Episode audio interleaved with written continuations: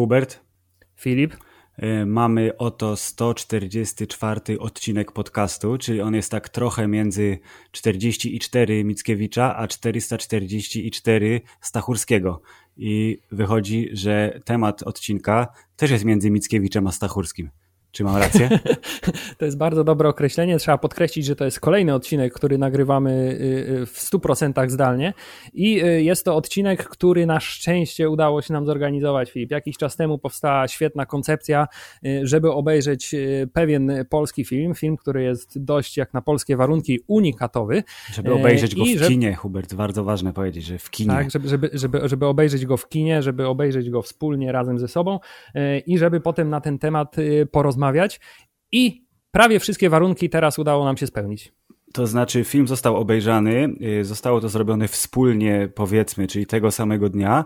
I trzeci warunek, który był bardzo ważny, to było: Ej, a może pogadamy z reżyserem filmu? Bo z reżyserami filmów bardzo lubimy rozmawiać i także jest tym razem. I bardzo się cieszę, że w końcu udało nam się doprowadzić do sytuacji, w której gościem 140 y, y, odcinka Czwartego, podcastu Hammerside 144 odcinka podcastu Hammerside jest reżyser filmu W lesie dziś nie zaśnie nikt. Bartosz M. Kowalski, witamy Cię Bartku serdecznie tutaj oto. Cześć, witajcie. Bartek, pierwsze pytanie jest najważniejsze. Czy jesteś w domu, myjesz ręce i przestrzegasz y, kwarantanny tudzież izolacji? Yy, tak, przestrzegam. Uważam, że no nie można histeryzować, ale też nie można tego bagatelizować. I, i faktycznie ja od naszej online'owej premiery e, siedzę w domu i wychodzę tylko do sklepu, myję ręce, mam maskę, mam rękawiczki. Bardzo dobrze, to ja chciałem zapytać, czy to jest taka sytuacja, że jesteś po premierze filmu i y, gdyby film był w kinie y, w piątek 13, to też byś był po premierze filmu, tylko że prawdopodobnie byś obskakiwał różnego rodzaju stoliki z mikrofonami, fajne ścianki, ewentualnie y, innego typu wywiady niż tylko online. No myślę, że na pewno. I, i przecież mieliśmy mieć uroczystą premierę w, na dużym ekranie i potem faktycznie tych takich planów około wywiadowych e, miałem dosyć dużo. No i jakby realizuję wszystko to samo leżąc w łóżku. Czyli krótko mówiąc, tak, tak, gacie są? Są jakieś... Y, właśnie, no bo y, generalnie obecna sytuacja y, na ciebie, na was, czyli wszystkich ludzi odpowiedzialnych za produkcję i promowanie tego filmu, sytuacja wpłynęła dużo bardziej niż na nas, zwykłych, szarych obywateli, bo spowodowała takie dość mocne zmiany w planach mhm. i trzeba przyznać, że podjęliście te decyzje o przestawieniu się na premierę online, że tak powiem, bardzo szybko i dynamicznie. Trzeba było działać dosyć szybko, bo sytuacja, która nas zastała, y, nie była łatwa. My już oczywiście, że tak powiem, czuliśmy pismo nosem na, na parę dobrych dni y, przed premierą, że tutaj coś może się nam po prostu nie udać. I oczywiście z emocjonalnego takiego punktu widzenia, mm, no to było dosyć trudne, bo po to się przez dwa lata nad czymś pracuje, żeby potem tę uroczystą premierę mieć i pokazać wszystkim ten film na ogromnym ekranie z zajebistym dźwiękiem yy, i, i ubrać się elegancko i pójść i tę premierę mieć. No to nas oczywiście wszystko mm, ominęło, no ale są rzeczy ważne i ważniejsze, a tutaj najważniejsze jest zdrowie. Mm, jakby idąc dalej, oczywiście też każdy twórca wydaje mi się, że chciałby i marzyłby o tym, żeby jego film był oglądany właśnie w kinie, gdzie jest duże, du, duży ekran, świetny dźwięk, E, i, i widzowie, którzy przychodzą skupić się tylko i wyłącznie na tym filmie, no ale żyjemy w czasach, gdzie przecież filmy ogląda się na komórkach bez dźwięku, tylko, tylko z napisami. No ale to na to już się, na to już się wpływu nie ma. Natomiast faktycznie nie wiadomo, co, co w ogóle będzie z tymi kinami. Nie wiadomo, jak długo to wszystko potrwa. No więc my zamiast czekać 2, 3, 5, 10 miesięcy na premierę, no to podjęliśmy, podjęliśmy taką decyzję, żeby ten pewnego rodzaju alternatywny sposób na premierę filmu jakiś, jakiś znaleźć, żeby polscy widzowie mogli go oglądać od razu, w zasadzie no przecież 7 dni po odwołanej premierze, więc, więc suma summarum ja się bardzo cieszę z tego, jak to się skończyło, no a tym bardziej z tego, że Netflix będzie film udostępniał na całym świecie stopniowo dla widzów y, w bardzo, bardzo wielu krajach, więc trudno, tru, trudno się nie cieszyć w tym, w, tym, w tym cholernie trudnym czasie, jakby nie było. Y, wydaje mi się, że jakoś z tego wybrnęliśmy. No. Właśnie chciałem powiedzieć, że jak na premierę Netflixową, to trzeba przyznać, że wejście mieliście y, bardzo mocne od samego początku. Film przecież okupuje bardzo wysokie miejsca w rankingu top 10 w Polsce. Wczoraj sprawdzałem, było to miejsce drugie, przez długi czas było to miejsce pierwsze, czyli mhm. najchętniej oglądany na Netflixie content tak, w Polsce, tak, tak. dokładnie. Więc trzeba przyznać, że jest to chyba dość duży sukces. To jest duża sprawa. Ja nie wiem, ile, ile osób ten film widziało. Natomiast nie, nie gdzieś... macie podglądu na, na, na takie dane? Nie, na ten, na ten moment jeszcze nie. Ja gdzieś widziałem jakiś artykuł w wirtualnych mediach ogólnodostępny, że Mm, że tych subskrypcji Netflixowych jest chyba 850 tysięcy, ale jako, że każde konto jest rozłożone jest na jakieś 2-3 odbiorniki, no to że tych użytkowników Netflixa jest w Polsce 4,7 miliona. No więc Ej, to dobrze, to jest połowa Kwowadis na premierę. Dokładnie tak. No. Więc... Jak, na, jak na kino gatunkowe i, i taki bardzo, bardzo konkretny slasher, to myślę, że jest to wynik bardzo imponujący, ale ja chciałem właśnie przewrotnie zapytać, czy ty się nie obawiasz, że y, to jest zbyt duża tego popularność tego filmu jak na sam początek, bo takie miałem od razu skojarzenie, że przecież y, bardzo często y, filmy z gatunku horrorów, zwłaszcza tych takich nazwijmy to niskobudżetowych, zyskuje status kultowy dopiero w drugim obiegu. Czy myślisz, że to może zaszkodzić kultowości filmu. W drugim obiegu albo i po 30 latach. Dokładnie tak. Zgadza się. No ja szczerze mówiąc, patrząc na to, mm, staram się oczywiście nie czytać, ale, ale to jest silniejsze ode mnie i tutaj jest trochę to, co przeżywałem po premierze Placu Zabaw, mówiąc szczerze, tylko na dużo, dużo, dużo większą skalę, bo y, reakcje są różne i, i film spolaryzował ludzi na maksa i jest faktycznie od zachwytów po chęć palenia na stosie. I Aż tak. Absolutnie tak, tak, tak. No, hejtu jest też y, od groma. To jest oczywiście temat na inną dyskusję, z czego to może potencjalnie wynikać, ale nie wiem też czego, czego innego miałem się spodziewać, robiąc w Polsce slasher z Wieniawą. Jakby to, to jest y, E, jakby założenie i, i samo wypowiedzenie tych słów to jest podkładanie się pod, e, pod, pod topór. Ale dobrze, Więc... bo pod toporem jest głośno, czyli mówią, czyli robisz się coraz bardziej znany i potem zbierzesz odpowiednie fundusze, żeby nakręcić remake y, tych y, pomidorów zabójczych kosmicznych na przykład. No i co? Albo wilczycy. Nie, no tak, to jest... Plac zabaw był takiego w ramach kina społecznego, ale był eksperymentem. To, co teraz zrobiliśmy, to też jest totalny eksperyment, bardziej dla producentów i inwestorów, y, nawet niż dla mnie, no ale to jest też tak, że my tak totalnie nie mamy tradycji tego kina grozy, że też wydaje mi się, że nie wszyscy wiedzą w ogóle, jak taki film ugryźć, a taki film od kilkudziesięciu lat trzeba ugryźć tak, że trzeba po prostu, że tak powiem, wyłączyć mózg i się dobrze bawić na tym. To nie jest oczywiście rozrywka e, dla wszystkich.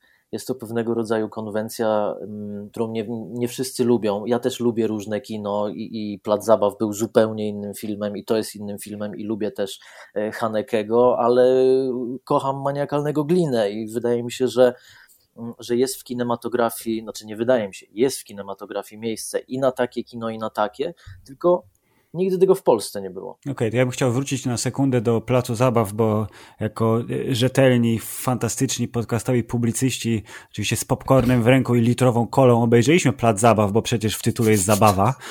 E, okazało się, że jest trochę inaczej. E, hmm. film jest mocno e, wjeżdżający w, w, w mózg na wszystkie tego możliwe sposoby. I teraz pytanie brzmi, czy to, że pierwszy twój film był, fabularny oczywiście film, był nazwijmy to społecznym komentarzem, e, inspirowanym luźno wydarzeniami ze świata, e, a teraz robisz film, który nie jest inspirowany niczym poza klasykami e, gatunku, czy to jest to, że o Boże, muszę odpocząć, chcę zrobić coś dla fanu, czy to było mój każdy film będzie zupełnie inny, albo patrzcie krytycy, patrzcie jak jestem super, umiem cokolwiek tylko chcę.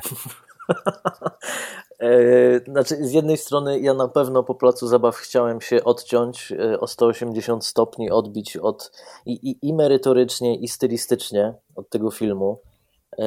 I nie chciałem robić niczego podobnego, ale z drugiej strony, no to, to też ten, ten slasher za mną chodził od dziecka i ja się wychowywałem na tym amerykańskim kinie grozy klasy B i, i, no, i wypożyczałem te VHS-y na początku pokryjomu, później moi rodzice te, te fascynacje horrorowe dosyć szybko zaakceptowali. Ja tych filmów dużo oglądałem i zawsze marzyłem o tym, żeby, żeby taką konwencję, żeby takiej konwencji spróbować w Polsce.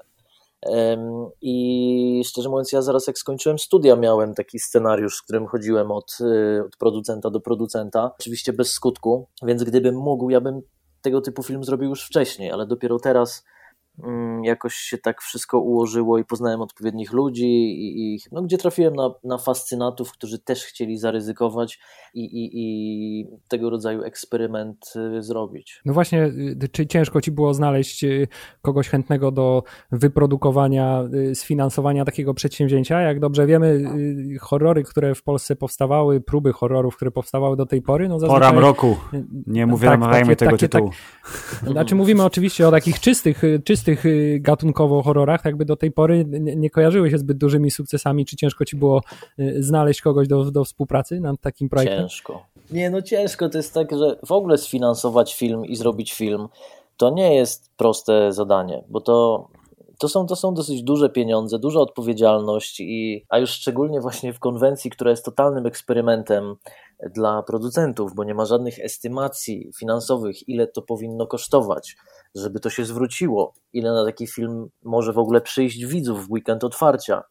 My chcieliśmy to sprawdzić. Sprawdziliśmy i wciąż nie wiemy. Okej, okay, a to ja się wtrącę szybko. Y, czy jest oficjalna y, liczba, jeżeli chodzi o budżet filmu? Znaczy naszego filmu? Waszego filmu slasherowego z Wieniawą. Tak, y, jest, ale nie mogę powiedzieć. Okej, okay, dobra. No to już się nie znaczy, wtrącam, proszę mogę dalej. Powiedzieć, że, mogę powiedzieć, że film był niskobudżetowy, kosztował de facto tyle, co plac zabaw. No to ba bardzo ciekawa informacja, bo wydaje się być dużo tłustszy, jeśli chodzi o y, rzeczy w mm. nim zawarte. Y, scenografia, efekty i cała reszta. To skoro o placu zabaw, to ja bym chciał zapytać trochę, bo to jest bardzo modne słowo teraz, uniwersum. Y, w placu zabaw z grubsza na początku, y, kiedy Gabrysia jedzie z mamą samochodem, w radiu pada tekst o obozie offline, na który zapraszamy dzieci i młodzież. Mhm. Tak, I czy, tak, to, tak, czy, to jest, czy to jest wtedy już wiedziałeś, że zrobisz slasher o obozie offline? Czy to było nie, a, nie, wiadomość nie, podprogowa? Czy w ogóle jak Tarantino masz swój, swoje uniwersum rozpisane i wszystkie twoje filmy będą się działy w jednym świecie? Nie, to jest y, czysty przypadek. I faktycznie ktoś mi to wypunktował parę dni temu, ja o tym kompletnie nie pamiętałem. I mm, nie, nie, absolutnie niezamierzone to jest. Wtedy mi to pasowało merytorycznie, faktycznie, a, a tutaj ten obóz offline to też nie jest, nigdy nie był i przynajmniej z założenia nie ma być żadnym moralitetem filmowym, tylko to był po prostu pewnego rodzaju chwyt na to, żeby tych bohaterów odciąć od tej technologicznej rzeczywistości, która daje im poczucie bezpieczeństwa, no i żeby odpalić historię w lesie. Ale w ogóle chciałem powiedzieć, że gdyby to z tego zrobić y, uniwersum jednospójne, to byłoby prawdopodobnie najbardziej rozległe stylistycznie uniwersum, jakie istnieje. To znaczy, y, gdyby na przykład kolejny, w kolejnym filmie bohaterowie Placu Zabaw y, po 30 latach po raz kolejny napotkali się w lesie na, na to zagrożenie, to byłoby to coś bardzo, bardzo, bardzo niespotykanego. No tak, by zapalili fajkę i by patrzyli na mutanta, jak idzie w ich stronę. W takim razie przejdźmy do, do, do głównego dania, czyli e, czyli slashera z wieniawą. To jest bardzo, bardzo dobre określenie, które myślę, że się tutaj będziemy e, czepiać jego. No, wiecie, to, to, to określenie to mi tak zostało w głowie. Przepraszam, że, że, że przerywam, ale faktycznie jak jakieś pierwsze informacje w prasie się pojawiły, że taki film robimy, to mój kolega branżowy, mm, nie podam nazwiska oczywiście, napisał do mnie i teraz cytuję, będzie z przekleństwem. Ty, co ty po placu zabaw robisz slasher z Wieniawą? Pojebało cię? No i miałem taką, taką, taką wymianę zdań, stąd właśnie ten slasher z Wieniawą w cudzysłowie mi, mi został, bo nie powiem, że był to jakiś bliski mi kolega, ale jednak znajomy z branży, który mm, no, pisząc jako slasher z Wieniawą w Polsce jako coś naj, najniższego, i najbardziej pogardliwego, co można było wymyślić. No to świetnie, tak. bo na liście jest pytanie właśnie o casting i ja nawet z, z, wsadziłem ci w usta słowa w tym pytaniu, czyli bez wieniawy nie robię. Czy to było to, że ty miałeś Julię Wieniawę jako y, osobę, y, jako główną aktorkę gdzieś tam w głowie i miałeś wpływ na to, kogo y, obsadzamy w danych rolach? Czy to było, ej, a weź ją, bo ona jest taka młoda, teraz jest modna, a powinna dać radę? Miałem, miałem wpływ, pewnie, że tak. I, I de facto finalnie ja decydowałem o wszystkim. Pomysły były od moich współscenarzystów i producentów. Mirella Zaradkiewicz wymyśliła Mecwaldowskiego.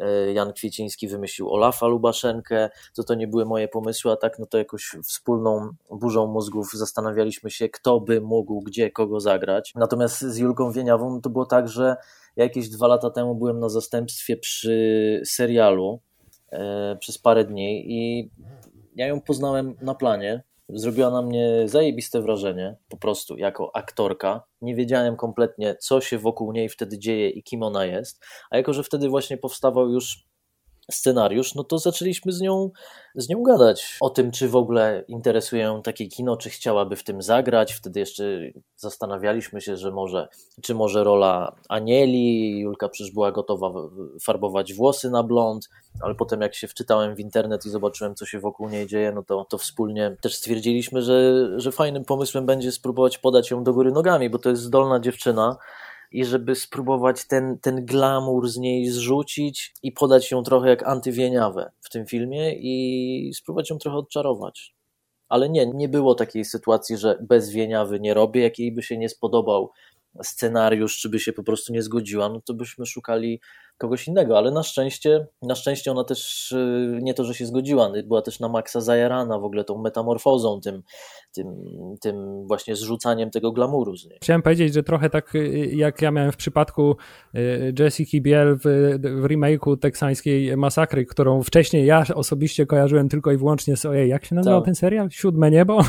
tak? Tak, tak, Staje tak. A to zresztą świetny remake jest. Jeden, jeden z niewielu, jeśli nie w ogóle najlepszy po roku 2000 z tej, z tej ery remake'ów. To remake teksańskiej masakry. Tak, Hubert, pamiętasz, moje... byliśmy w kinie, przepraszam, goniłem cię potem tak? z wyimaginowaną piłą po tym, jak film się skończył, między rzędami foteli. Znaczy się tak, dobry tak, wzorzec. Bardzo miło, bardzo miło to wspominam, aczkolwiek y, to, to trochę nawiązuje do tego pytania, które próbowałem zadać jakiś czas temu. To znaczy w odróżnieniu właśnie na przykład od teksańskiej e, masakry e, piłą mechaniczną, czy remake'u Halloween, czy wszystkich takich współczesnych hollywoodzkich y, horrorów. Y, w przypadku twojego filmu y, uniknęliście tego, nie wiem jak to określić, umrocznienia, to znaczy, żeby podać tę samą fabułę, tylko w sposób dużo bardziej mroczny, z takim poważnym tonem, tylko trzymaliście się bardzo, bardzo stricte i bardzo mocno takiego wzorcowego podejścia. Lek, trochę pastisz, trochę samoświadomość, trochę komediowych akcentów. Seks and przemoc. Tak, jak Siara powiedział w innym filmie. Tak, no to jest też, y, wydaje mi się, że to było też gdzieś tam chyba najtrudniejsze, żeby choćby spróbować zachować ten balans właśnie, żeby nie popaść w parodię i slapstick, ale z drugiej strony nie zrobić tego zbyt poważnie i w tym liście miłosnym do tych archetypowych slasherów z jednej strony właśnie im się ukłonić z pełną powagą i pewną miłością, z drugiej strony trochę jednak puścić oko i obśmiać mm, ten, ten, ten wszechobecny brak logiki bohaterów e, i, i całą tą listę tych elementów, które w tych slasherach się pojawiają, od archetypowych bohaterów już przez to, że, że, że samochód nie zapala w odpowiednim momencie i tak dalej, i tak dalej. Bo jeszcze jedną rzecz, jaką też zauważyłem, to że pojawiają się tam elementy, ale też bardzo, bardzo y, takim ograniczonym zakresie takiej tak zwanej polskości filmu. To znaczy y, ten, ten film jest na tyle uniwersalnie w większości przypadków y, umiejscowiony w tych leśnych realiach, że równie dobrze, a może nawet ciut bardziej kojarzy się z takim właśnie amerykańskim typowym obozem, gdzie się dzieciaki wysyła na cały miesiąc, żeby siedziały w domkach nad jeziorem. Natomiast właśnie czy nie korciło was, żeby jakby y, bardziej w takich stricte polskich, obecnych realiach tę historię zanurzyć? No ja oczywiście chciałem, żeby to było tu i teraz. Stąd są też te, te takie mikro społeczne jakieś komentarze, przytyki, nazwijmy to sobie. E, I, I żeby ta Polska, nawet pociągnięta grubą krechą, lekko karykaturalna, ale żeby się ona mm, w tym filmie znalazła. No takie obozy offline są. One istnieją naprawdę.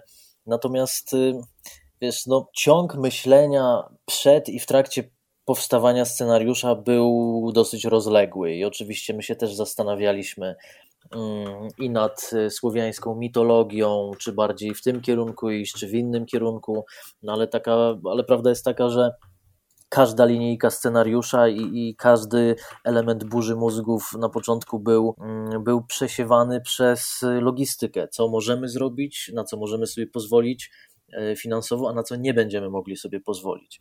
Stąd też e, jak czasami pada pytanie, dlaczego zabójca jest taki, a nie inny, no to oczywiście no, dwóch to chciałem po prostu mieć z jakiejś tam inspiracji z dzieciństwa, takich dwóch gnojków z podwórka. Mm, a oni wiedzą, że to oni? Nie mam pojęcia, nie mam z nimi kontaktu, wyobraźcie sobie. Ale... Jeśli słuchają, to tak, to wy. Tak, to wy, tak. No i też stwierdziliśmy, że to będzie trochę ciekawsze e, stylistycznie, że tych zabójców będzie dwóch, bo jednak też domeną tych slasherów jest to ta wszechobecność zabójcy, że on się teleportuje z miejsca na miejsce. To, żeby chociaż z tym trochę zagrać, że ten zabójca faktycznie jest w różnych miejscach, no ale to też wynika trochę z tego, że ich jest dwóch i oni się rozdzielają. Mm, natomiast potem już jakby ten, ten ciąg właśnie świadomości i pomysłów szedł dalej, czy, czy możemy sobie pozwolić na to, żeby zabójca był niehumanoidalny. No nie możemy bo żaden jakiś CGI potężny czy coś, no to to nie wchodziło w grę. Jak już ma być zabójca humanoidalny, no to albo może być zwykłym typem, albo typem w masce, no, albo typem coś, zmutowanym. Dokładnie, albo coś z nim może być nie tak. Ja maski za bardzo nie chciałem od samego początku, bo, bo też nie chciałem w ogóle wchodzić w jakąś taką hitchcockowską rozkminkę, że tożsamość zabójcy może być jakkolwiek istotna.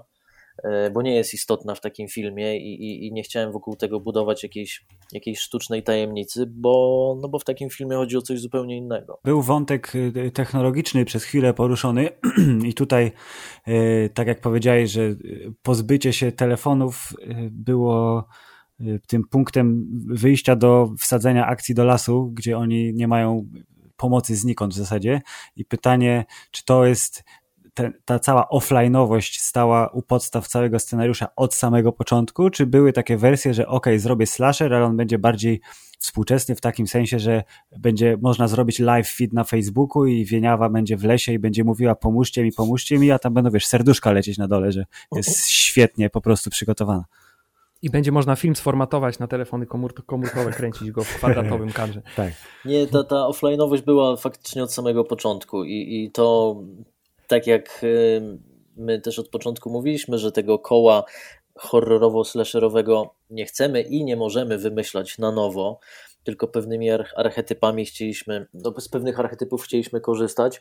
No tak samo tutaj też chcieliśmy mieć grupę ludzi na odludziu, którzy są odcięci od tego świata. Oczywiście w dzisiejszych czasach w ogóle w kinie grozy jest tak, że no ten smartfon z tym GPS-em w kieszeni daje pewnego rodzaju poczucie bezpieczeństwa, bo ta pomoc jest zawsze na wyciągnięcie ręki, na kliknięcie guzika.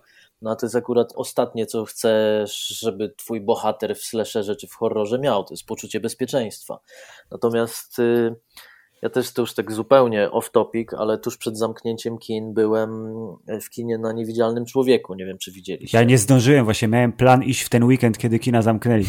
A wtedy jeszcze mówiłem, o Jezu, naprawdę, nie, dajcie spokój, to na pewno nie jest nic groźnego. w każdym razie to jest, to jest, to jest świetny film, natomiast też jest, jest tam szereg scen, gdzie nasz niewidzialny gość atakuje kogoś na szpitalnym korytarzu, czy w jakimś innym miejscu, gdzie nawet nie to, że trzeba się tego domyślać, bo po prostu widać to w rogu kadru, że wszędzie są kamery. I potem intryga rozkminiana dalej jest tak, że są naoczni świadkowie, którzy widzieli, że coś dziwnego się wydarzyło, że jakaś ta dziwna, niewidzialna siła kogoś zaatakowała. Jeden wierzy, drugi nie wierzy.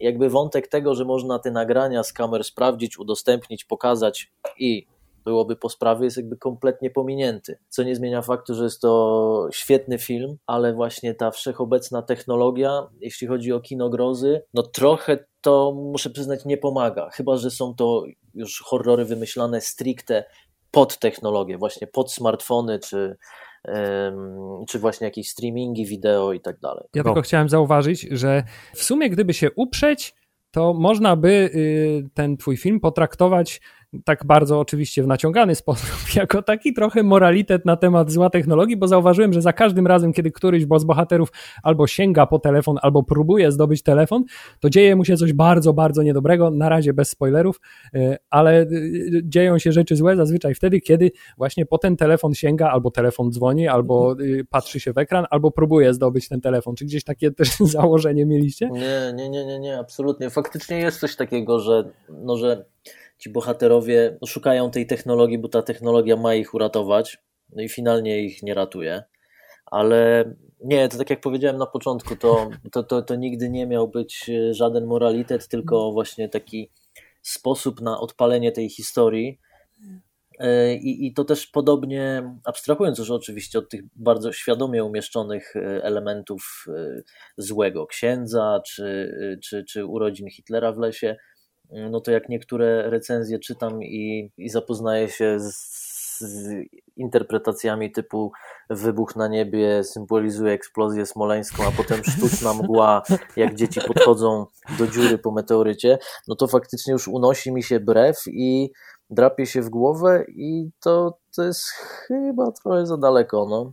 Ale to... jest coś niesamowitego, że w takim filmie gatunkowym e, e, może on spowodować chęć aż takiej nadinterpretacji. To jest, to, jest, to jest bardzo ciekawe w ogóle, bo wydawałoby no, się, że to gdzieś tam zostanie skategoryzowane jako a, czysta rozrywka, a, głupiutki horror, a tymczasem widzę, że ludzie doszukują się różnego rodzaju y, poważnych y, i bardzo, bardzo naciąganych y, wątków. Tak, i, i, też, się, też się zastanawiałem, z czego to wynika, ale faktycznie film cieszy się dużym zainteresowaniem i, i, i te reakcje są total skrajne. Natomiast z czego to może wynikać?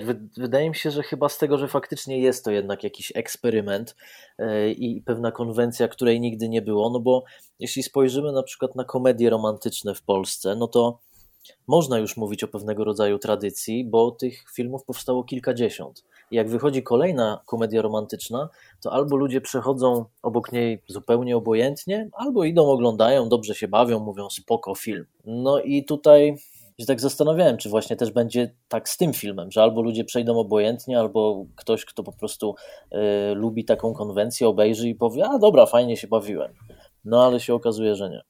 Ja myślę, że to trochę wynika z tego, że ci, którzy lubią krzyczeć i narzekać, to oni są dużo głośniejsi, nawet jeżeli nie są liczniejsi, e, bo e, wystarczy sobie wejść na e, Filmweb, który jest największą stroną przecież w polskim internecie. Tak. tak, i poczytać komentarze, szczególnie pod no, recenzją, tak. która tam była taka generalnie pozytywna, ale dali ci 6 na 10 ale czytam komentarze pod tą recenzją i właśnie mówię, że pan Popielecki to chyba upadł na głowę, że jak można dać aż sześć takiemu gniotowi. I tutaj moglibyśmy wejść w delikatne, y, spoilerowe y, już klimaty, czyli jeden komentarz, który zapamiętałem najbardziej, czyli, że ten, kto ten film montował, a wiemy z napisów końcowych, że byłeś to ty, to, y, to ten, kto ten film montował, to, nie, przepraszam, nie ten film, ten, który ten żyk montował, to y, mhm. powinien się leczyć, bo i za przykład podał moim zdaniem jedną z najlepszych y, scen w tym filmie, czyli jak y, Bartek, jeśli dobrze pamiętam, kolega gay, rozmawia z Anielą mhm. i jest, opowiada jej swoją historię a propos twojego delikatnego społecznego komentarza, czyli że współczesny tata Polak nie lubi, albo nie, nie, nie przyjmuje do wiadomości syna geja, to jest nagle cięcie na y, zabitą w dosyć y, groteskowy sposób bohaterkę.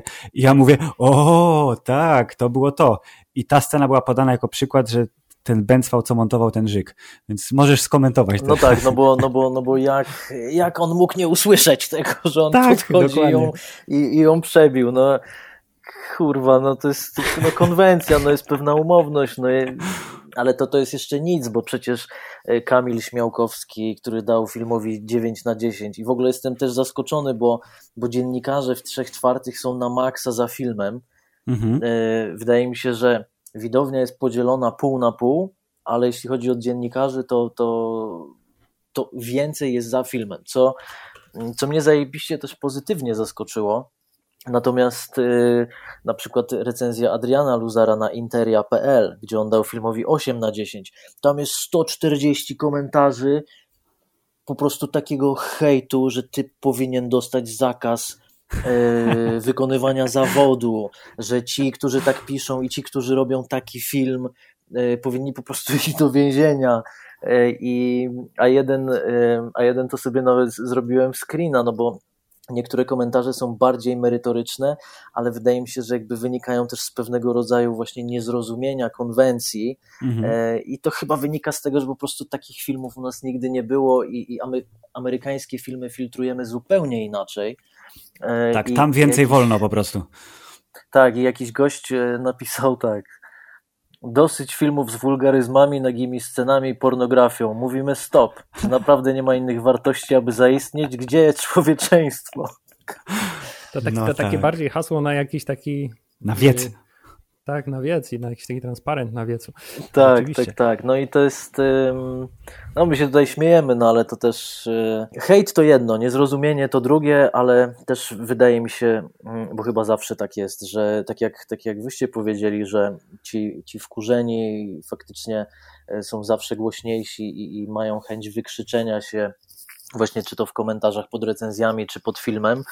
Natomiast też ten hejt, y, wydaje mi się, że napędza też to, że są ludzie, którzy są filmem zajarani, a to się tym bardziej nie podoba i wkurza innych. A ja chciałem teraz y, przejść na y, błyskawiczną rundę pytań, bo ja jestem bardzo zaciekawiony. Mówiliśmy do tej pory o inspiracjach stricte slasherowych. Ja tymczasem podczas seansu dostrzegłem, nie wiem czy słusznie, ale chciałbym, żebyś mnie wyprostował albo ewentualnie potwierdził w moim przekonaniu, takie dosyć nie wiem czy bezpośrednie, ale wydaje mi się, że inspiracje slash cytaty z dzieł, które slasherami nie są i ja będę wymieniał tytuły, a ty mi powiesz, czy mam rację, czy nie. No dobra. Mhm. Pulp Fiction. Yy, no tak. Kiss Kiss Bang Bang. Również. yy, to jest pewnie już naciągane. Heavyweights, taki film o obozie letnim. Powiem, to pewnie nie. Chyba nie, nie znam filmu w ogóle. Y, Spider-Man slash Venom. Mm, uh-huh. I to jest już absolutnie tylko i wyłącznie moja wizja. Y, Gwiezdne Wojny, epizod trzeci. To jest jedna bardzo krótka scena. O kurde. To y, która? Chciałem, y, uwaga, spoiler. Chciałem powiedzieć, że nie wiem z jakiegoś powodu y, wizja płonącego ojca, który próbuje wypełzać z samochodu, z szalenie mi się skojarzyła z płonącym Anakinem, który gdzieś tam jest spalony w tej lawie na Mustafa. Okay. Nie, niezamierzone, ale spoko, okay, ale... spoko skojarzenie. Faktycznie on się też tak czołgał i krzyczał, tylko on nie miał nóg już wtedy chyba też. Ale to proszę bardzo, czyli pół na pół mniej więcej trafiłem, czuję się pozytywnie połechtany tym faktem. No to bardzo dobrze, ale to okej, okay. wjechaliśmy na terytorium spoilerowe, to ja bym chciał zapytać Cię, Bartko, jako twórcy, to jest Twoje dziecko ukochane, ociekające krwią i szlamem. Y, która scena śmierci w filmie jest Twoją ulubioną? Czy, Czy, bo może, może masz, może nie masz, może wiesz, wszystkie kochasz tak samo. A może brzydzisz się takimi okrutnymi scenami? Brzydzę się i nie oglądam. E, nie, szczerze mówiąc, szczerze mówiąc, chyba nie mam. To ja do tego też y, podchodzę trochę bardziej technicznie, no bo jak się tyle z tym, mm, z tym siedzi już tak jak powiedziałem wcześniej, że na etapie wymyślania tego, no to było przesiewanie każdego pomysłu przez właśnie jakąś logistykę, co można oszukać montażem, czy co, żeby było fajne, żeby coś było widowiskowe, ale żeby to nie zrujnowało budżetu. Wiele z tych z tych śmierci to są też y, przeniesione jeden do jeden chwyty z y, ćwiczeń mhm. reżyserskich, które ja robiłem na studiach, e, bo robiłem różnego rodzaju właśnie takie slasherowo-horrorowe no nazwijmy to szumnie, etiudy. E, I, i ja miałem okazję sobie po prostu pewnych tych takich chwytów, czy z wyciskaniem oczu, e, jak zrobić to mega niskobudżetowo, no to to miałem po prostu przetestowane już wcześniej, ale nie, no bardzo lubię śmierć e, Cyrwusa i w ogóle też postać, bo to jest oczywiście, on cytuje konkretnego mm, pana arcybiskupa, ale też karę, jaką dostaje potem za bycie tym, kim jest. Y, no, bardzo lubię śmierć Cyrwus, ale nie wiem, czy to jest moja ulubiona, mówiąc szczerze. Wspomniałeś o tym, że właśnie y, y, musieliście przesiewać wszystko przez tak zwane sito techniczno-budżetowe, a właśnie czy w, w scenariuszu w oryginalnej koncepcji były jakieś zupełnie odjechane jeszcze inne pomysły na kończenie żywota bohaterów, których, które musieliście dość szybko ubić właśnie y, ze względu na to, o czym wspomniałeś? Nie, bo też moimi e, współscenarzystami byli producenci, więc jak gdyby na każdym etapie konsultowaliśmy wszystko i ja miałem parę takich, że tak powiem, odważniejszych pomysłów w trakcie, no ale... Ale tacka ale niestety... z pieniędzmi była zbyt płytka. Tak, ale z tak, tego, co tak, mówisz, to, to, to, to w ogóle ten film y, od strony realizacyjnej to dla ciebie, dla was y, był takim chyba, oprócz tego, że fajnym pomysłem. Ogólnie, to takim ciekawym chyba y, ćwiczeniem warsztatowym z całego procesu tworzenia filmu i jak się zmieścić z określonym pomysłem w określonym budżecie, bo z tego co mówisz, musieliście na na każdym kroku uważać. Na każdym, absolutnie tak, bo to też y, mieliśmy 23 dni zdjęciowe, e, no to do placu zabaw miałem dni 27, a to też było mało, e, więc y, realizacja 8-10 scen dziennie jeszcze do 8-10 scen dziennie to jest tempo generalnie sitcomowe. Mhm. E, no to jeszcze biorąc pod uwagę e, pogodę, zmieniające się położenie słońca, chmury, nie chmury, kontynuację oświetleniową i, i już nie wspomnę o charakteryzacji parogodzinnej, która zaczynała się w środku nocy.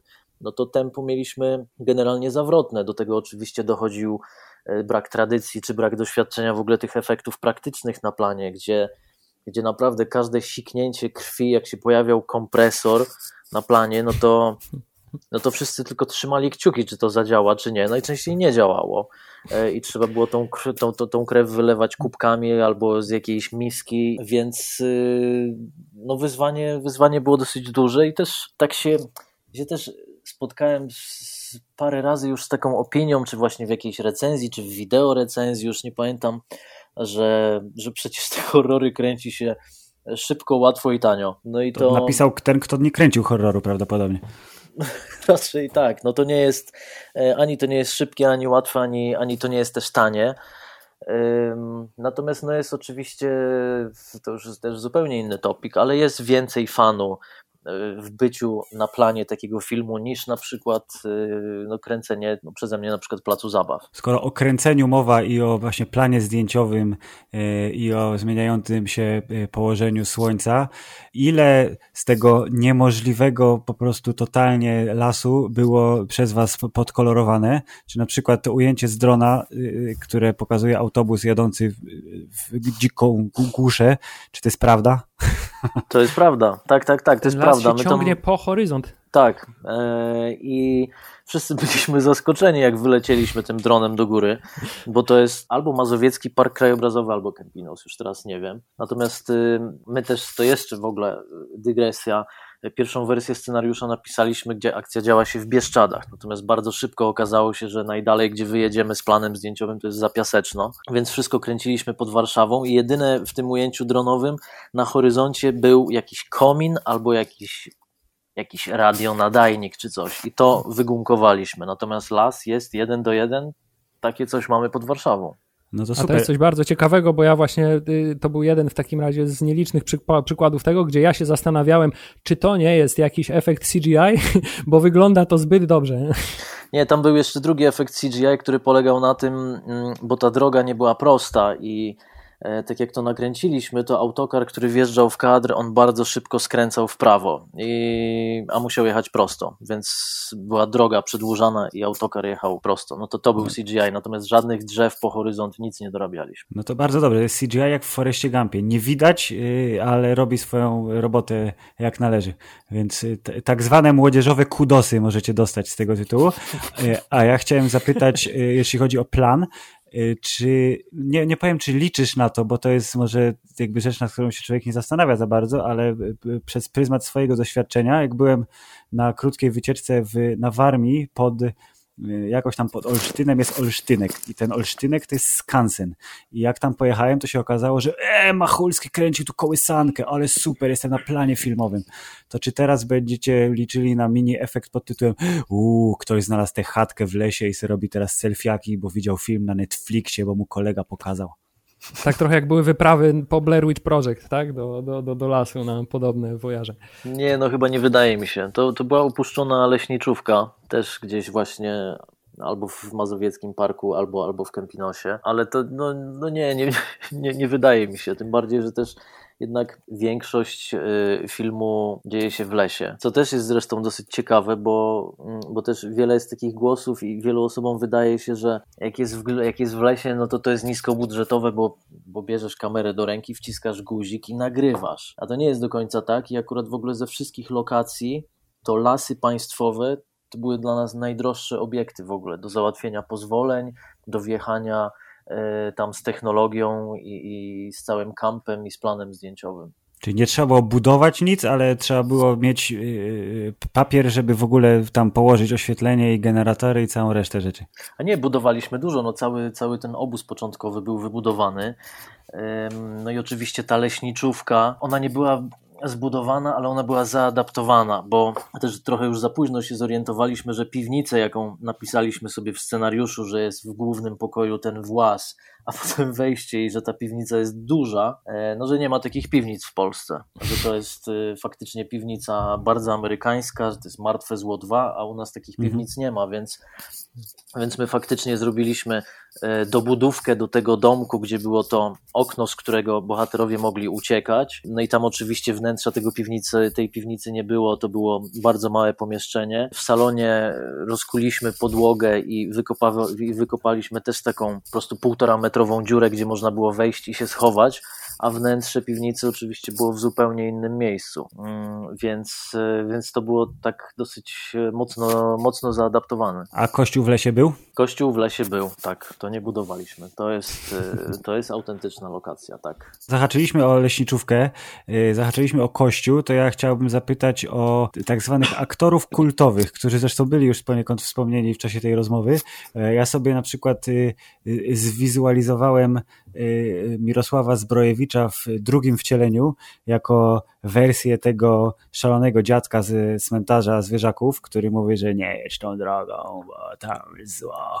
A z kolei Piotr Cyrwus był jak Bruce Campbell u Sama Raimiego, bo on z aktora, który się kojarzył tylko i wyłącznie z jedną postacią, y, nagle tam te były reklamy mafii dla psa, pojawił się mhm. film Fanatyk, który zresztą po upadku Showmaxa jest na y, Netflixie, y, no i teraz jest u ciebie w małej, ale bardzo zapamiętywalnej roli. Czy to było takie bardzo celowe, czyli ci znani aktorzy w tych bardzo małych rulkach i taki właśnie Rysio z klanu, który teraz gra totalnie pod wiatr, ale przez to jest jeszcze lepszy. Jest z Piotrkiem Cyrwusem myśmy się poznali już na planie y, krótkometrażowego Zacisza, które też robiliśmy dla platformy Showmax i to była dosyć podobna konwencja, takiego właśnie slashera z przymrużeniem oka, ale to była oczywiście taka forma promocyjna dla Showmaxa i my się z Piotrem zakumplowaliśmy. Ja uważam, że on jest mega dobrym aktorem, a jakoś tak zawsze sobie go wyobrażałem w roli takiego złego księdza.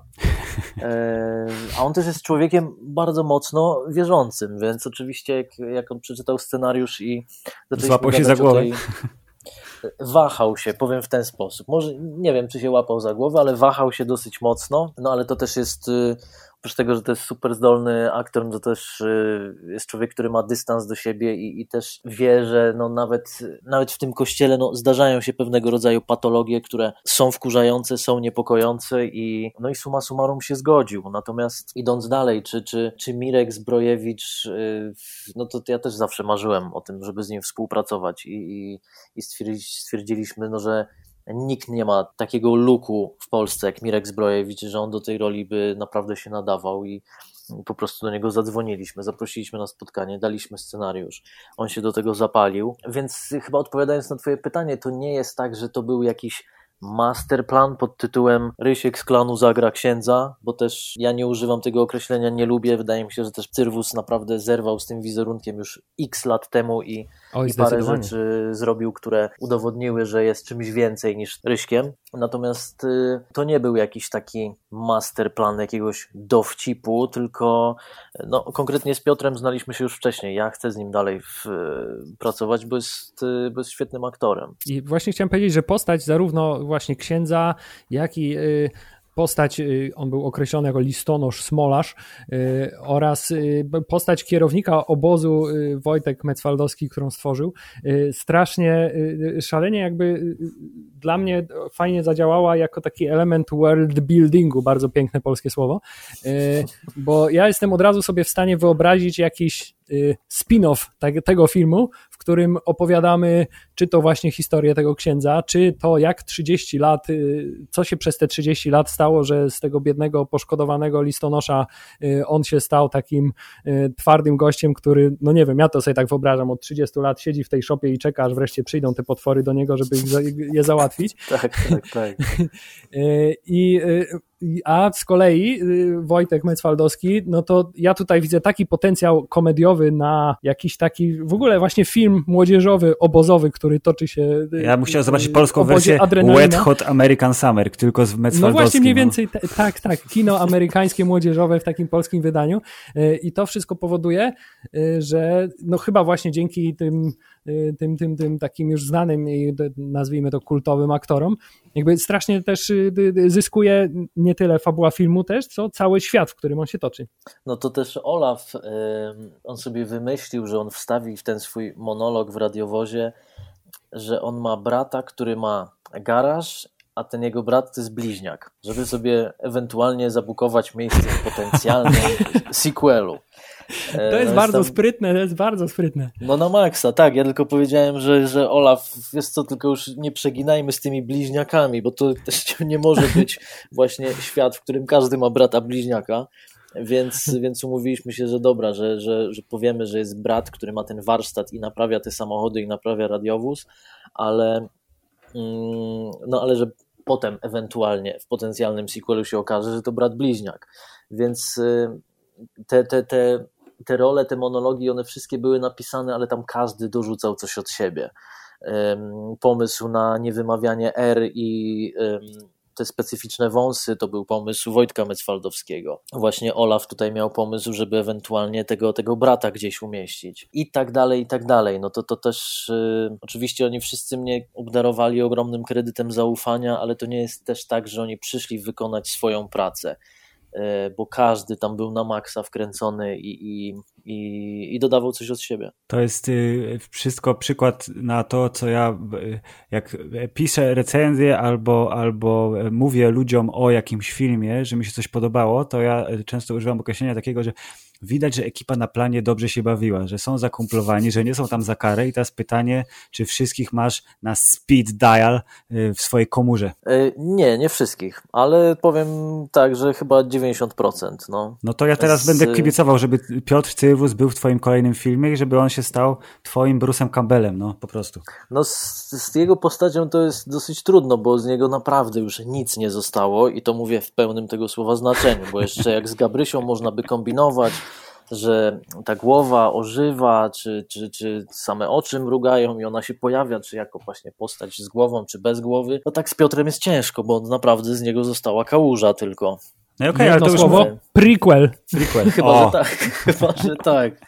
Nie, no oczywiście to też y, y, można kombinować. No jak będzie jakieś hasło, czy w ogóle jakiś, jakiś potencjalny temat do rozmów nad innym podobnym filmem, czy spin-offem, czy sequelem, no to oczywiście będziemy się zastanawiać, ale tutaj też e, no nie wszystko zależy ode mnie, jak pewnie się domyślacie. Okej, okay, ale czy gdyby taki, gdyby taki pomysł, czy taka możliwość się narodziła, to, to, to masz już w głowie jakąś, jakąś wizję tego? Potencjalnego sequela, nazwijmy to? I tak, i nie. Z jednej strony ja też nie chcę jakby puszczać myśli, czy, czy tym bardziej pisać czegoś do ewentualnej szuflady, mhm. bo trochę mi się nie chce i za dużo rzeczy do szuflady już y, napisałem. więc tak naprawdę zabrałbym się za to tylko i wyłącznie, jakby było e, choćby jakaś namiastka zielonego światła, że okej, okay, róbmy to. Ja bym oczywiście bardzo chciał, czy robić kontynuację, czy robić coś innego podobnego, bo chciałbym też pójść z całą tą konwencją krok naprzód. Natomiast czy mam coś w głowie? No coś tam potencjalnie mógłbym mieć. No może to ujmę w ten sposób. Świetnie, to jutro, jutro będzie nagłówek na naszej stronie internetowej. Tylko u nas Bartek Kowalski informuje, że właśnie zaczyna kręcić sequel w lesie, nie ciśnie zasięg. Yeah! Mamy tak. skup. Tylko, tylko musi być jeszcze ten allegedly. Tak, tak, tak, plotka w nawiasie. E, ostatnia chyba pomału rzecz, chciałem zapytać cię o muzykę. E, mhm. która była w filmie. E, Jimek e, zrobił, tak się akurat wyszło śmiesznie, znaczy śmiesznie, fajnie, że on jest autorem dwóch soundtracków współczesnych z polskiego kina, które uważam za najfajniejsze i najbardziej charakterystyczne. Muzyki z Ataku Paniki sobie słuchałem po filmie wielokrotnie, bo jest po prostu kawałem do, dobrej muzy i teraz, kiedy napisy końcowe... Bardzo, bardzo fajny film. Bardzo fajny film, tak. Jeden z, jedna z lepszych niespodzianek na rodzimym rynku. Reżyserowana przez mojego brata ciotecznego. O, to jest dynastia reżyserów, koniec świata to w tym momencie oglądam napisy końcowe mówię, o, Jimek, jest spoko. A potem napisy końcowe pojechały tam pod koniec i było napisane, że oprócz tam Fa perkusji tak, i vibrafonu on grał na kościach i na suce ja, biłgorajskiej. Tak, ja, ja, mam tutaj, ja mam nawet, ja mam ten screenshot tutaj przed sobą i tutaj są, znajdują się takie instrumenty jak suka biłgorajska, bull roller, programowanie chóru chłopięcego, dzięcioły, sowa, sprężyna. To są wspaniałe instrumenty, dość rzadko spotykane, trzeba przyznać. No ja się na instrumentach nie znam. Już na, nawet raz byłem zapytany o nie w którymś miejscu. E, ja nie mam pojęcia, jak brzmią kości. E, z Jimkiem mm, faktycznie poznaliśmy się, jak myśmy już mieli film ułożony e, montażowo i on tę konwencję zrozumiał od razu. Myśmy nie mieli godzin rozmów o tym, jak to powinniśmy zbalansować w jedną, w drugą stronę. On, on od razu całą, całą, całą tę konwencję zrozumiał i łyknął i, i, i właśnie to, że ja chciałem, żeby tej muzyki było dużo i żeby ona pomagała pewne jakieś mylne tropy, czasem właśnie odwrotnie do obrazu sprzedawać, pomagając właśnie tym samym mm, zachować ten balans, o którym mówiłem na początku, żeby ani nie popaść w parodię, ani nie popaść w zbytnią powagę. I potem mieliśmy tylko z Jimkiem takie spotkanie, gdzie wspólnie oglądaliśmy film i ja przez cały film mówiłem, a on mnie nagrywał żeby mieć swojego rodzaju jakieś notatki. E, tylko też oczywiście nie gadaliśmy stricte o muzyce, już tym bardziej o instrumentach, tylko o emocjach. Mm, potem Jimek zniknął na weekend i po weekendzie miał 60 czy tam 65 minut muzyki, e, różnych jakichś tropów do, e, do zaproponowania i no i też 90% z tych tropów jest y, w filmie teraz. Ważne pytanie, czy muzyka będzie wydana oficjalnie, w jakiejkolwiek formie? Wydaje mi się, że chyba tak, ale to mm, no nie mogę tutaj odpowiadać za. Ale że to nie jest nie. Pla plan to, jest. To nie jest nie. Jakiś plan jest, ale w jakiej formie, gdzie, jak, kiedy, nie mam, nie mam pojęcia. Zdecydowanie fajnie by było, a jeszcze fajniej by było i też chyba gatunkowo by było bardzo to dostosowane, gdyby pojawiła się na, na, na winylu. Bardzo bym sobie to cenił wtedy. A ja również. Też chętnie bym, chciałbym mieć coś takiego, ale, mm, no, ale nic nie wiem. Tak samo jak z zupełnie niewiadomych dla mnie względów, y, mam ochotę, y, gdybym tylko był w posiadaniu takiego sprzętu, włączyć to y, z Netflixa i nagrać na magnetowidzie, na kasetę VHS. No, był, był też taki pomysł, żeby właśnie wydać film na DVD, ale w takim VHS-owym pudełku, mm. ale nie wiem na ile w ogóle te plany mają rację bytu, no bo to też e, mieliśmy być najpierw w kinach, potem miały, miało być jakieś wydanie DVD, platforma streamingowa i tak dalej. Teraz to wszystko jest trochę na głowie postawione, więc szczerze mówiąc nie wiem, czy będzie jakieś wydanie takie kolekcjonerskie, czy nie mam pojęcia. A to świetnie pokazuje, jak dobrym, yy, dobrą niszą są właśnie takie filmy typu slasher czy horror, bo one pozwalają ci potem zbudować yy, bardzo fajny, yy, kolejne dobre polskie słowo, merchandising. Wspaniałe polskie słowo, tak. Ja mam jeszcze na koniec jedno pytanie związane stricte z fabułą filmu. Jest to też mhm. pytanie spoilerowe, bo y, y, od razu stwierdziłem y, i mnie to zaintrygowało. Czy ty masz w głowie albo gdzieś oficjalnie na papierze spisane oficjalne wytłumaczenie tego, jak nasz nieszczęsny kolega to był chyba Bartek. Daniel? Bartek. Ja Daniel, to jest... czułem, że, to, że o to zapytasz. Czy zgodnie z konwencją jest to tylko i wyłącznie, y, chodzi o to, w jaki sposób y, on przetrwał tę przygodę swoją w konfesjonale, y, bo czy to jest tylko zgodnie też zresztą z prawidłami konwencji, tylko po to, żeby mieć jeszcze dodatkową, kolejną, szokującą, fajną scenę? Tak, czy, bo czy nie było ciała za pierwszym razem. Jak nie ma ciała, to nie ma. Dokładnie tak. Oficjalnego wytłumaczenia nie mam. Waham się między tym, że poprosił, żeby zabójca mu nic nie robił, albo prześlizgnął się mu między nogami. E, nie, no ale jakby poważnie, no to to nie jest też istotne no, w takim filmie. Uciekł. Absol absolutnie nie jest, jest istotne, tak, aczkolwiek mnie zaciekawiło. Do, do, dopóki nie ma trupa, to nie wiadomo, co się z tą osobą wydarzyło. I to też był taki, dokładnie taki pomysł na konstrukcję, no, żebyśmy my myśleli, że on zginął, tylko nie wiadomo w jaki sposób, co jest też w slasherach coś, czego ja nienawidzę, że jak ktoś już ma zginąć, to jest cięcie w czerń. To jest dokładnie to, co tam zrobiliśmy. E, ale też właśnie po to, żeby był payoff pół godziny później, czy tam 20 minut później, że, że on jednak wraca, że my mieliśmy myśleć, że to postać Julki podejdzie mm, na ganek y, Smolarza. Smolarz myśli, że to mutant, a tak naprawdę to się okazuje, że Bartek. Więc, no więc to, była, to była taka figura geometryczna. E, natomiast jak uciekł, nie mam pojęcia. Czy on się nazywa Bartek dlatego, że chciałeś być w jakiś sposób w filmie i yy, to jest, wiesz, twoje imię na ekranie po prostu, poza reżyseria? Nie wiem, jak odpowiedzieć na to pytanie. No comment. Takie homoseksualne imię po prostu. Bardzo dobrze. No, wiesz, my, my się też tak nazywamy, jak się nazywamy, więc wszystko jest jasne. Nie, no żartuję sobie oczywiście. Nie, jeśli chodzi o, o, o, o dobieranie imion bohaterom, jest po prostu coś takiego jakoś podskórnie, że albo coś ci pasuje do bohatera, albo nie. Jakby niezależnie od tego właśnie, czy ej, ja, o, ja też mam na imię Bartek, to nie, to nie mogę takiego imienia używać. Nie, jakoś mi to do niego po prostu podpasowało i I tak zostało. To jeżeli y, chodzi o bohaterów, to ja też chciałem zapytać, czy ty przemyciłeś w jakikolwiek sposób siebie do kogokolwiek z nich? Jak ja patrzyłem sobie na tych wszystkich ziomeczków i ziomkinie, to mówię, ja prawdopodobnie bym był Julkiem, yy, tylko że jestem po prostu chudszy, ale też bym szybko zginął i bym się wymądrzał, sypiąc y, nawiązaniami do filmów. No, sam nie ująłbym tego lepiej i mogę tylko powtórzyć, co, co powiedziałeś. Ja też prawdopodobnie byłbym Julkiem, mam nadzieję w trochę szczuplejszej wersji jednak. E, i też absolutnie bym się w takiej sytuacji e, mądralił i na pewno bym nie przeżył. I, i, I kolejny spoiler, czy to właśnie dlatego y, obdarzyłeś go najbardziej długotrwałym konaniem w całym tym filmie? Nie, mi się, przynajmniej na etapie scenariusza mi się wydawało, że to jego konanie będzie jednak zabawniejsze.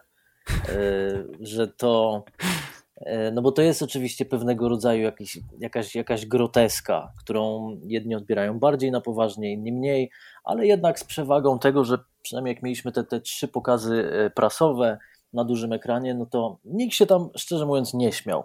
A mi się wydawało na etapie scenariusza, że to jest dosyć zabawne, że on chce przed śmiercią powiedzieć tej dziewczynie coś naprawdę ważnego, ale nie może, bo nie ma języka. To jest tak, to jest najlepszy test jednak, puścić film y, publiczności. Czy my w Polsce mamy taki y, zwyczaj robienia pokazów testowych na etapie jeszcze przed zakończeniem produkcji? Czy to istnieje w ogóle?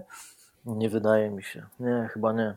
A czy przydałoby się? Teraz patrzysz, wiesz, z doświadczenia już osoby, która ma tych kilka filmów za pazuchą i, i, główne uderzenie recenzji jest zawsze tuż przed i tuż po premierze, a gdybyś miał taki fokus, yy, wiesz, na miesiąc przed końcem postprodukcji na przykład.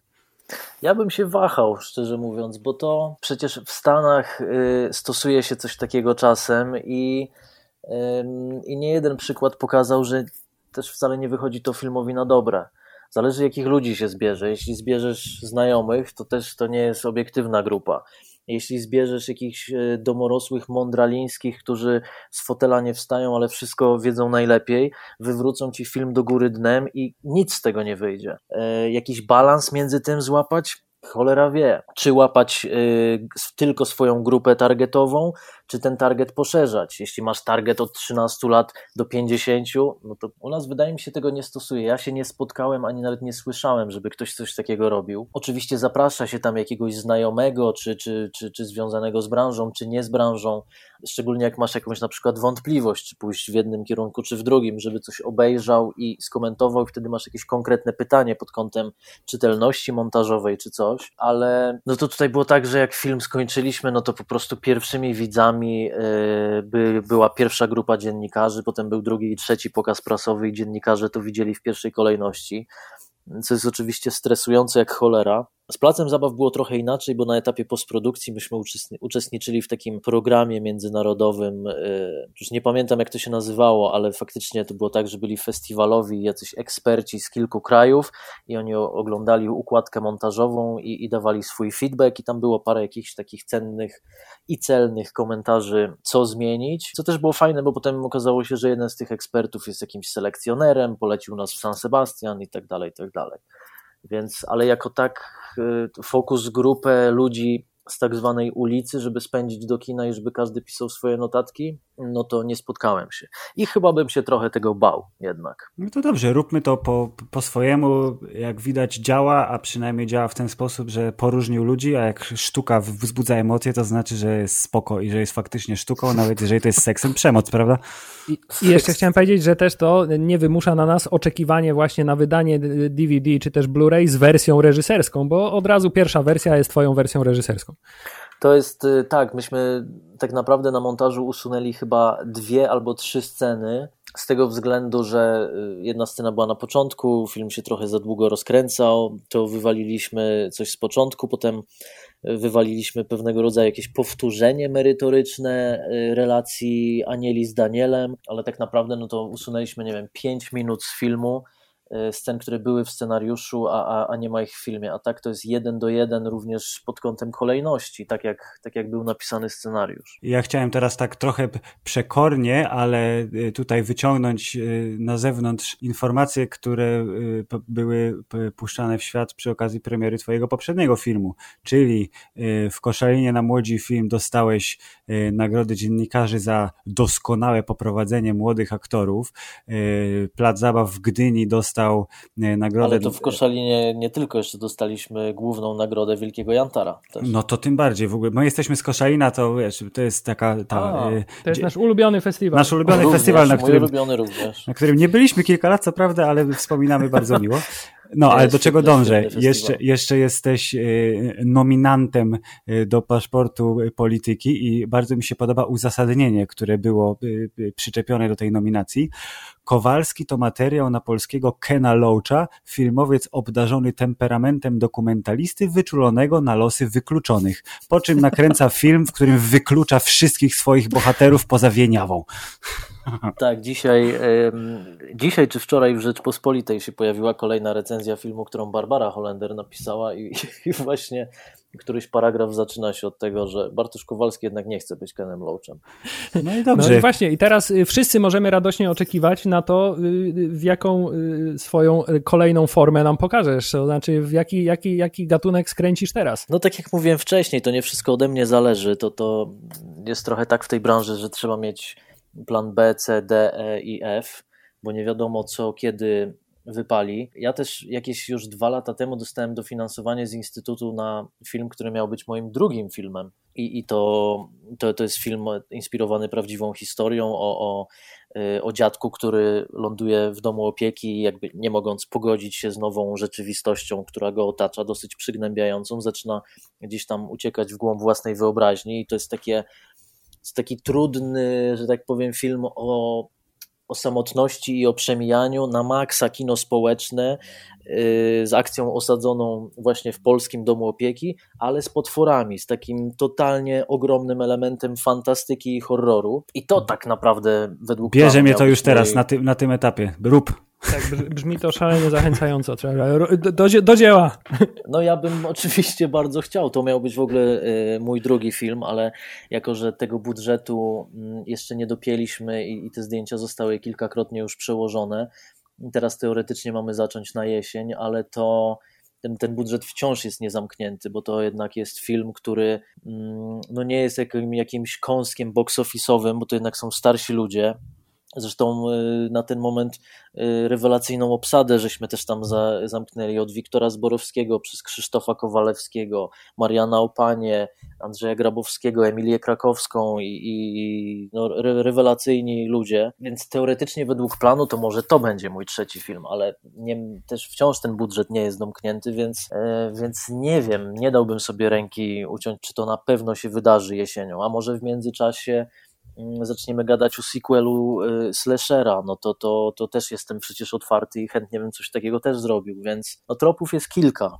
ale, ale co kiedy wypali, cholera wie. Bo to też pokazuje jakby, ja sobie dosyć stosunkowo niedawno zdałem sprawę, że od premiery Placu Zabaw minęły prawie 4 lata i i to też nie jest tak, że ja nic nie robiłem przez te 4 lata i byłem na wakacjach, a się zawsze zastanawiałem, czemu te przerwy w tych filmografiach twórców są takie długie i to jest też po prostu tak, że robisz pewne rzeczy, które też często się nie udają. My też rok spędziliśmy właśnie na przykład na pisaniu serialu dla platformy Showmax, gdzie, gdzie już witaliśmy się z gąską i Showmax zniknął i, i, i, nic z tego nie wyszło. I oczywiście to było zajebiste doświadczenie i bardzo dużo się nauczyliśmy i tak dalej, i tak dalej. No niemniej jednak to nie powstało. Patrząc na to, co wychodzi na światło dzienne i to, co udało ci się pokazać i firmować swoim nazwiskiem, to myślę, że możesz być dosyć zadowolony, bo e, prawdopodobnie wielu e, filmowców aspirujących i nie tylko by chciało mieć raczej być nad kreską ciągle, jeśli chodzi o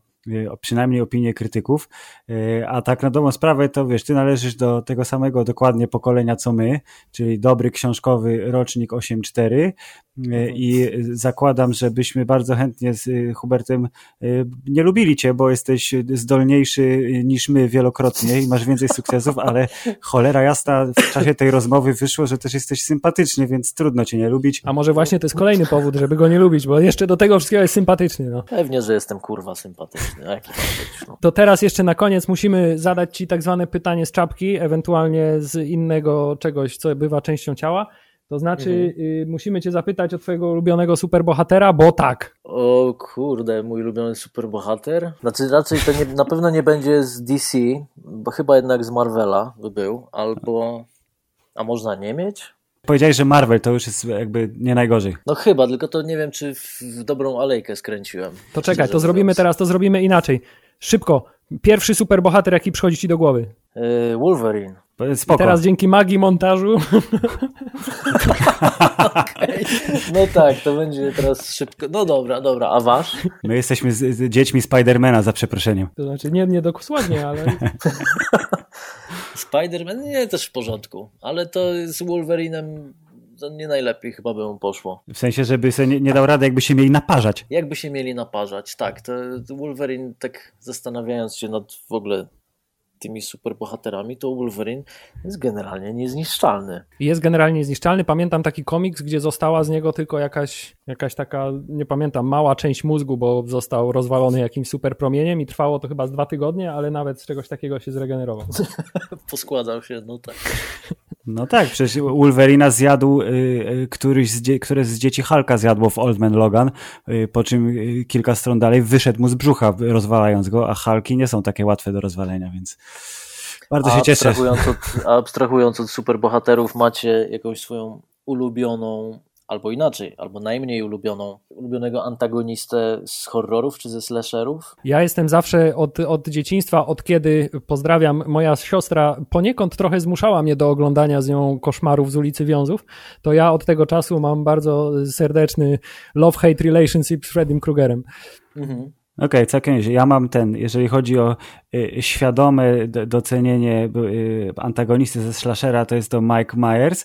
Jeżeli chodzi o ulubionego y, antagonistę w ogóle z horrorów, to jest Samara z Ringu, a tak generalnie największą traumę mam związaną z y, Obcym 2, którego widziałem y, mając 8 lat zupełnie przypadkiem, kiedy moi rodzice go oglądali w domu i potem mi się śniły y, androidy z białym szlamem wylewającym się z rurek i oczywiście Ripley, która jara królową obcych. No tak, no to są, to wszystko to są dobre tropy, no. Ja też faktycznie mam mm, chyba największy sentyment y, do Frediego i do y, laleczki Chucky, chyba głównie przez poczucie humoru, bo to też wiele osób mówi, że ten pierwszy koszmar z ulicy Wiązów był śmiertelnie poważnym filmem, no ale jakby umówmy się, nie był. To też oczywiście różnie ludzie reagują, no ale te jego one-linery, jak, jak Nancy odbiera telefon i on krzyczy, teraz ja jestem twoim chłopakiem i jej e, wpycha język do ust przez słuchawkę, no to nie jest super poważne. No.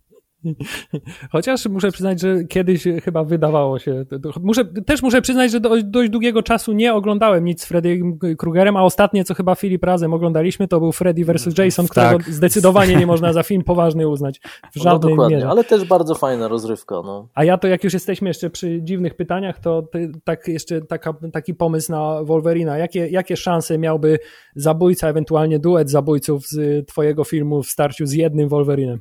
Myślę, że niewielkie chyba jednak. Ale oni też są niezniszczalni, no come on. Spo spoiler, spoiler. Ja wiem, czy niezniszczalni, no trochę tak jak, no to jest, to jest, to jest jeszcze zupełnie inny temat, bo to też jest tak, że Jason yy, z piątku 13 przecież też jest niezniszczalny, ale są te pewne granice niezniszczalności, bo w którejś części, już teraz nie pamiętam, czwartej czy piątej, oni tego Jasona już naprawdę zabili tak, że że hej, Jason, on już teraz naprawdę nie żyje, już teraz nie ma prawa wrócić. I wrócił na kolejne 8 części, po drodze jeszcze był w kosmosie. Więc, yy, więc trudno wyczuć, no bo to też ja zawsze sobie jako, jako dzieciak zadawałem pytanie, że ej, no ale no, obetnijcie mu głowę, no to jest temat pozamiatany chyba już wtedy, tak? Czy jak on wstanie bez głowy, czy... No i faktycznie takich rzeczy się nie robi, więc... E, bo też nie pamiętam, czy Jason miał kiedyś odciętą głowę? Chyba nie miał, bo mogłoby mu trudno być wrócić do życia, a Wolverine, no to są dowody filmowe na to, że on się może poskładać ze wszystkiego, nie tylko z Natomiast y, w filmie, w filmie Jason, Freddy vs. Jason, właśnie Freddy został przez Jasona na końcu zdekapitowany, ale w ostatnim ujęciu było Głowa mrugnięcie okiem Głowa, głowy. tak, otwierała oczy i mrugała. Tak, tak, tak, tak, tak, to prawda. No dobrze, świetnie. Bardzo dobra rozmowa. Podoba mi się, że przeszliśmy w końcu do poważnych tematów po tych pierdołach o tym, jak się kręci horrory w Polsce. To nikogo nie interesuje. E, więc musimy się umówić na kolejną rozmowę, gdzie będziemy tylko zgłębiać tajniki e, jedynego słusznego kina klasy B. Jasne, ja zawsze chętnie. Tak, dziękujemy bardzo za wizytę. Myślę, że wszyscy wracamy teraz do y, samoizolacji. Tak, tak jest. Bardzo Bartek, Bartek M. Kowalski, czy to M jest dlatego, że za dużo jest Bartków Kowalskich w świecie i chcesz się wyróżnić jako reżyser? No to jest takie, ja to zawsze mówię, że to jest nieme M, mm, bo to się pisze, wymawiać nie trzeba, ale tak, ja przy swoim pierwszym dokumencie który rob, robiłem dla HBO, jedna z, z pań z HBO właśnie się zapytała, czy, czy ja planuję wymyślać sobie jakiś pseudonim artystyczny i tak trochę mnie to zaskoczyło, mówiąc szczerze, i mówię, jak kurwa pseudonim, co mam być teraz jakimś Steven Johnsonem, czy... czy, czy, czy Johnem Stevensem. Czy Johnem Stevensem.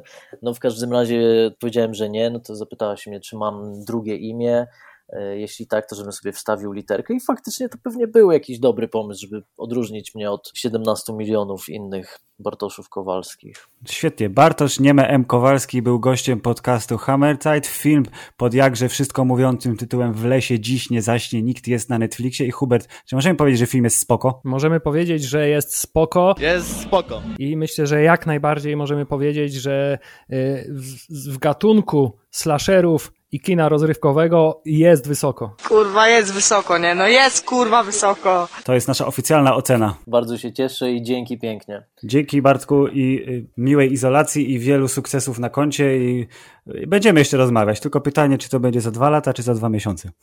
Mam nadzieję, że no im szybciej, tym lepiej. Koniec.